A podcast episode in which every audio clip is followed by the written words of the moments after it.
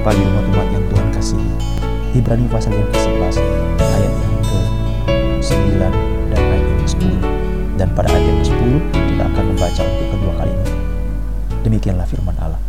Karena iman ia diam di tanah yang dijanjikan itu, seolah-olah di suatu tanah asing, dan di situ ia tinggal di kemah dengan Ishak dan Yakub yang turut menjadi ahli waris janji yang satu itu. Sebab ia menanti-nantikan kota yang mempunyai dasar, yang direncanakan dan dibangun oleh Allah. Ayat yang ke-10. Sebab ia menanti-nantikan kota yang mempunyai dasar, yang direncanakan dan dibangun oleh Allah. Sampai di sini pembacaan kitab suci. Puji Tuhan. Umat-umat yang Tuhan kasihi, apa yang menguasai pikiran Abraham? Apa yang ada dalam benaknya pada waktu dia merespon dan menanggapi apa yang diperintahkan oleh Allah?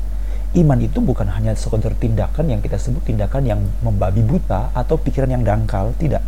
Tetapi ada satu landasan yang pasti pada waktu kita melihat Abraham berbuat, bertindak, merespon dengan iman, hal-hal itu tercatat dalam Alkitab merupakan hal-hal yang ada dalam benaknya.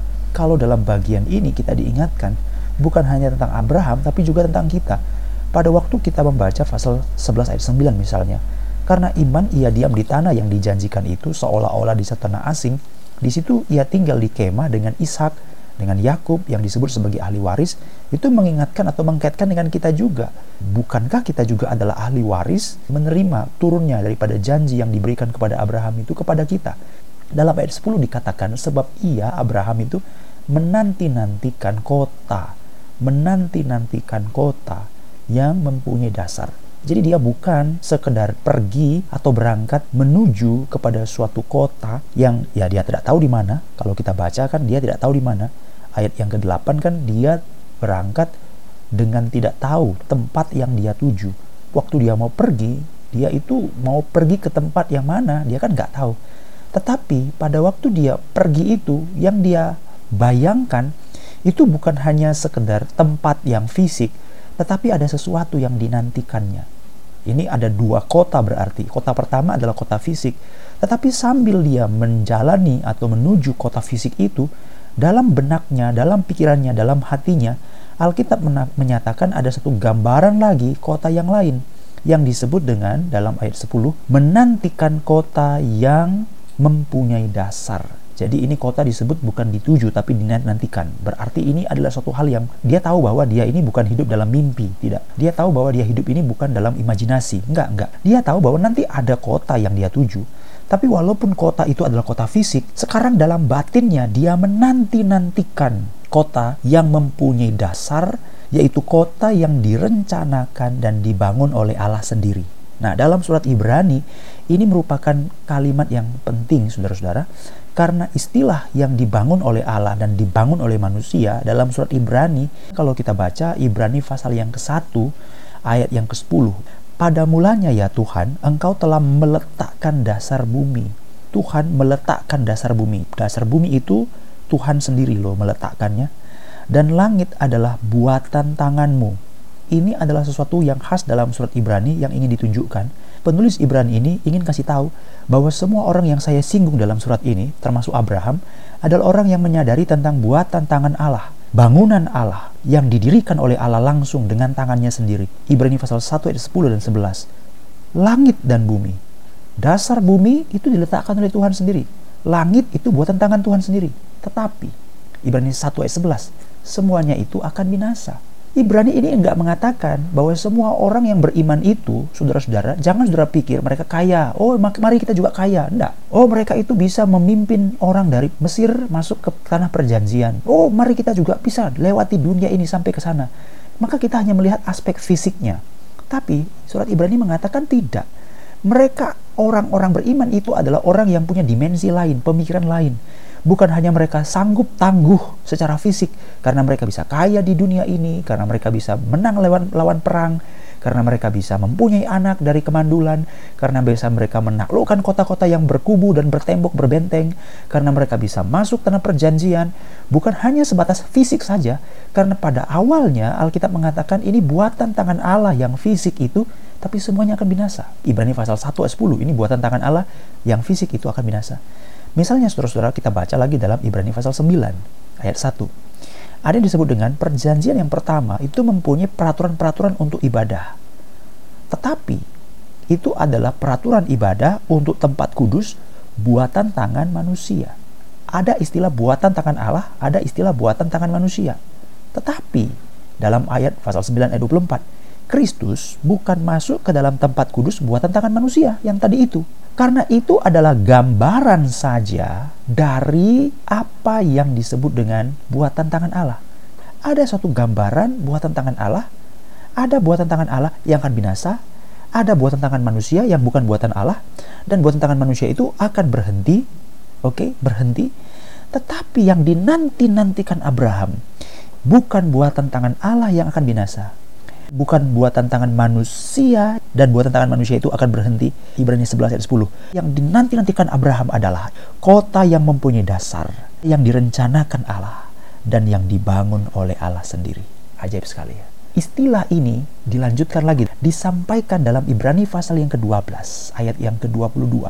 Tetapi kamu sudah datang ke Bukit Sion, Nah ini adalah peristiwa di mana Musa, Musa adalah orang yang agung dalam Alkitab. Peristiwa di Gunung Sinai, ini adalah peristiwa pada waktu Tuhan memberikan hukum Taurat di Gunung Sinai pada bulan yang ketiga dalam perjalanan mereka, waktu mereka keluar di Mesir, maka Tuhan panggil Musa untuk naik ke Gunung Sinai dan Tuhan katakan aku mau ketemu dengan orang Israel tapi orang Israel mengatakan enggak Musa kamu sajalah yang menghadap Allah dan Alkitab mengatakan dalam ayat yang ke-21 pasal yang ke-12 Ibrani 12:21 dan sangat mengerikan pemandangan itu sehingga Musa berkata aku sangat ketakutan dan sangat gemetar. Tetapi kamu sudah datang ke Bukit Sion ke kota Allah yang hidup Yerusalem sorgawi dan kepada beribu-ribu malaikat suatu kumpulan yang meriah dan kepada jemaat anak-anak sulung yang namanya terdaftar di sorga dan kepada Allah yang menghakimi semua orang dan kepada roh-roh orang-orang benar yang telah menjadi sempurna dan kepada Yesus pengantara perjanjian baru. Saudara, ada satu kota yang dibangun oleh Allah adalah kota yang memiliki legitimasi oleh karena darah Yesus Kristus dan oleh karena pengorbanan setiap orang-orang kudus maka semuanya menjadi sempurna. Haleluya. Inilah yang kita sebut suatu kota yang absahnya itu oleh karena Kristus yang mati di kayu salib. Sehingga semua pengorbanan, semua iman daripada orang-orang itu menjadi tergenapi sempurna dan adanya. Itulah kota yang kudus yang dinanti-nantikan Abraham. Bagaimana mungkin Abraham itu bisa sampai pandangannya jauh seperti itu, saudara-saudara? Orang Yesus saja belum mati di kayu salib. Abraham saja belum lihat itu ada namanya hukum Taurat. Tapi apa yang dialami oleh Musa itu dipandang oleh Abraham. Apa yang dilihat oleh Musa itu dipandang oleh Abraham, dinanti-nantikan oleh Abraham pada waktu zaman Yesus, yaitu sekitar 1500 tahun berikutnya setelah dari daripada zaman Musa, barulah Yesus mati di kayu salib. Itu adalah sesuatu hal yang sudah dilihat oleh Musa dan oleh Abraham. Ini adalah orang yang punya pandangan jauh ke depan, saudara-saudara. Masih ingat Habel? Siapa yang kasih tahu dia petunjuk untuk memberikan korban? Tapi dia tahu sesuatu pandangan jauh ke depan bahwa Allah akan memberikan suatu petunjuk memberikan korban yaitu lemak-lemaknya harus dipersembahkan kepada Allah. Dia tahu loh. Saudara tahu itu Henok. Henok itu waktu dia 65 tahun anaknya lahir namanya Metusala. Dia tahu nanti kedatangan anak ini dan nanti kematiannya hukuman dari Allah itu akan datang. Berapa tahun Metusala hidup dari dia lahir sampai dia mati? 969 tahun. Dia tahu 969 tahun yang akan datang terjadi penghukuman pandangan yang jauh ke depan. Bahkan pada saat anaknya mati, Metusala itu mati, Henok tidak ada lagi di bumi, saudara. Karena 300 tahun kemudian, setelah anaknya itu lahir, dia sudah tidak lagi di bumi. Anaknya masih hidup. 396 tahun lagi, masih hidup. Baru datanglah penghukuman. Kenapa dia bisa memandang jauh ke depan? Itulah orang beriman. Jadi orang beriman itu adalah orang yang memiliki suatu pandangan yang jauh ke depan. Dan pandangan itu bukan halusinasi Pandangan itu bukan imajinasi, pandangan itu bukan reka-reka, pandangan itu bukan pandangan kosong, tapi pandangan yang memang nyata. Ini diceritakan Alkitab. Apa yang diceritakan Allah kepada Habel, apa yang diceritakan Allah kepada Henok, diceritakan Allah kepada Nuh, diceritakan Allah kepada Abraham. Dalam dua bagian Alkitab yang kita baca pagi ini, apa yang dibicarakan Allah kepada Abraham, itu ditunjukkan Allah kepada Musa. Musa melihatnya dalam Ibrani pasal 12 ayat yang ke-22. Dia takut, dia gemetar, tapi kota itu real, itu bukan kota yang kosong. Ibrani pasal 13 ayat yang ke-14. Sebab di sini di dunia ini kita tidak mempunyai tempat tinggal yang tetap, tetapi kita orang percaya, saya dan saudara sedang diundang mencari kota yang akan datang. Apa yang sekarang diajak kepada kita untuk lihat kota yang akan datang? Itu sebenarnya sudah juga dinyatakan oleh Allah kepada Abraham. Itu sebabnya Abraham waktu Tuhan berkata, Abraham, pergilah dari tempat rumahmu, tinggalkan tanah kelahiranmu, sanak keluargamu, kota di mana engkau lahir, ke tempat yang akan aku tunjukkan kepadamu. Dia pergi. Allah telah menyatakan sesuatu dan pada waktu Allah menyatakan sesuatu, dia sudah bukan hanya pergi kepada tempat yang fisik, imajinasi, bayangan, gambaran yang fisik. Enggak, aku akan pergi ke suatu kota. Kota itu ada-ada, bisa diraba, bisa, bisa ditinggali, bisa. Tapi dia tahu dalam dirinya itu ada suatu kota yang lain. Alkitab mengatakan dalam pasal 11 ayat 10, Abraham menanti-nantikan, menanti-nantikan kota yang mempunyai dasar, yang direncanakan oleh Allah. Kota itu dibangun oleh Allah. Dan saudara-saudara dikasih Tuhan, itu adalah bukan buatan manusia dan tidak akan binasa.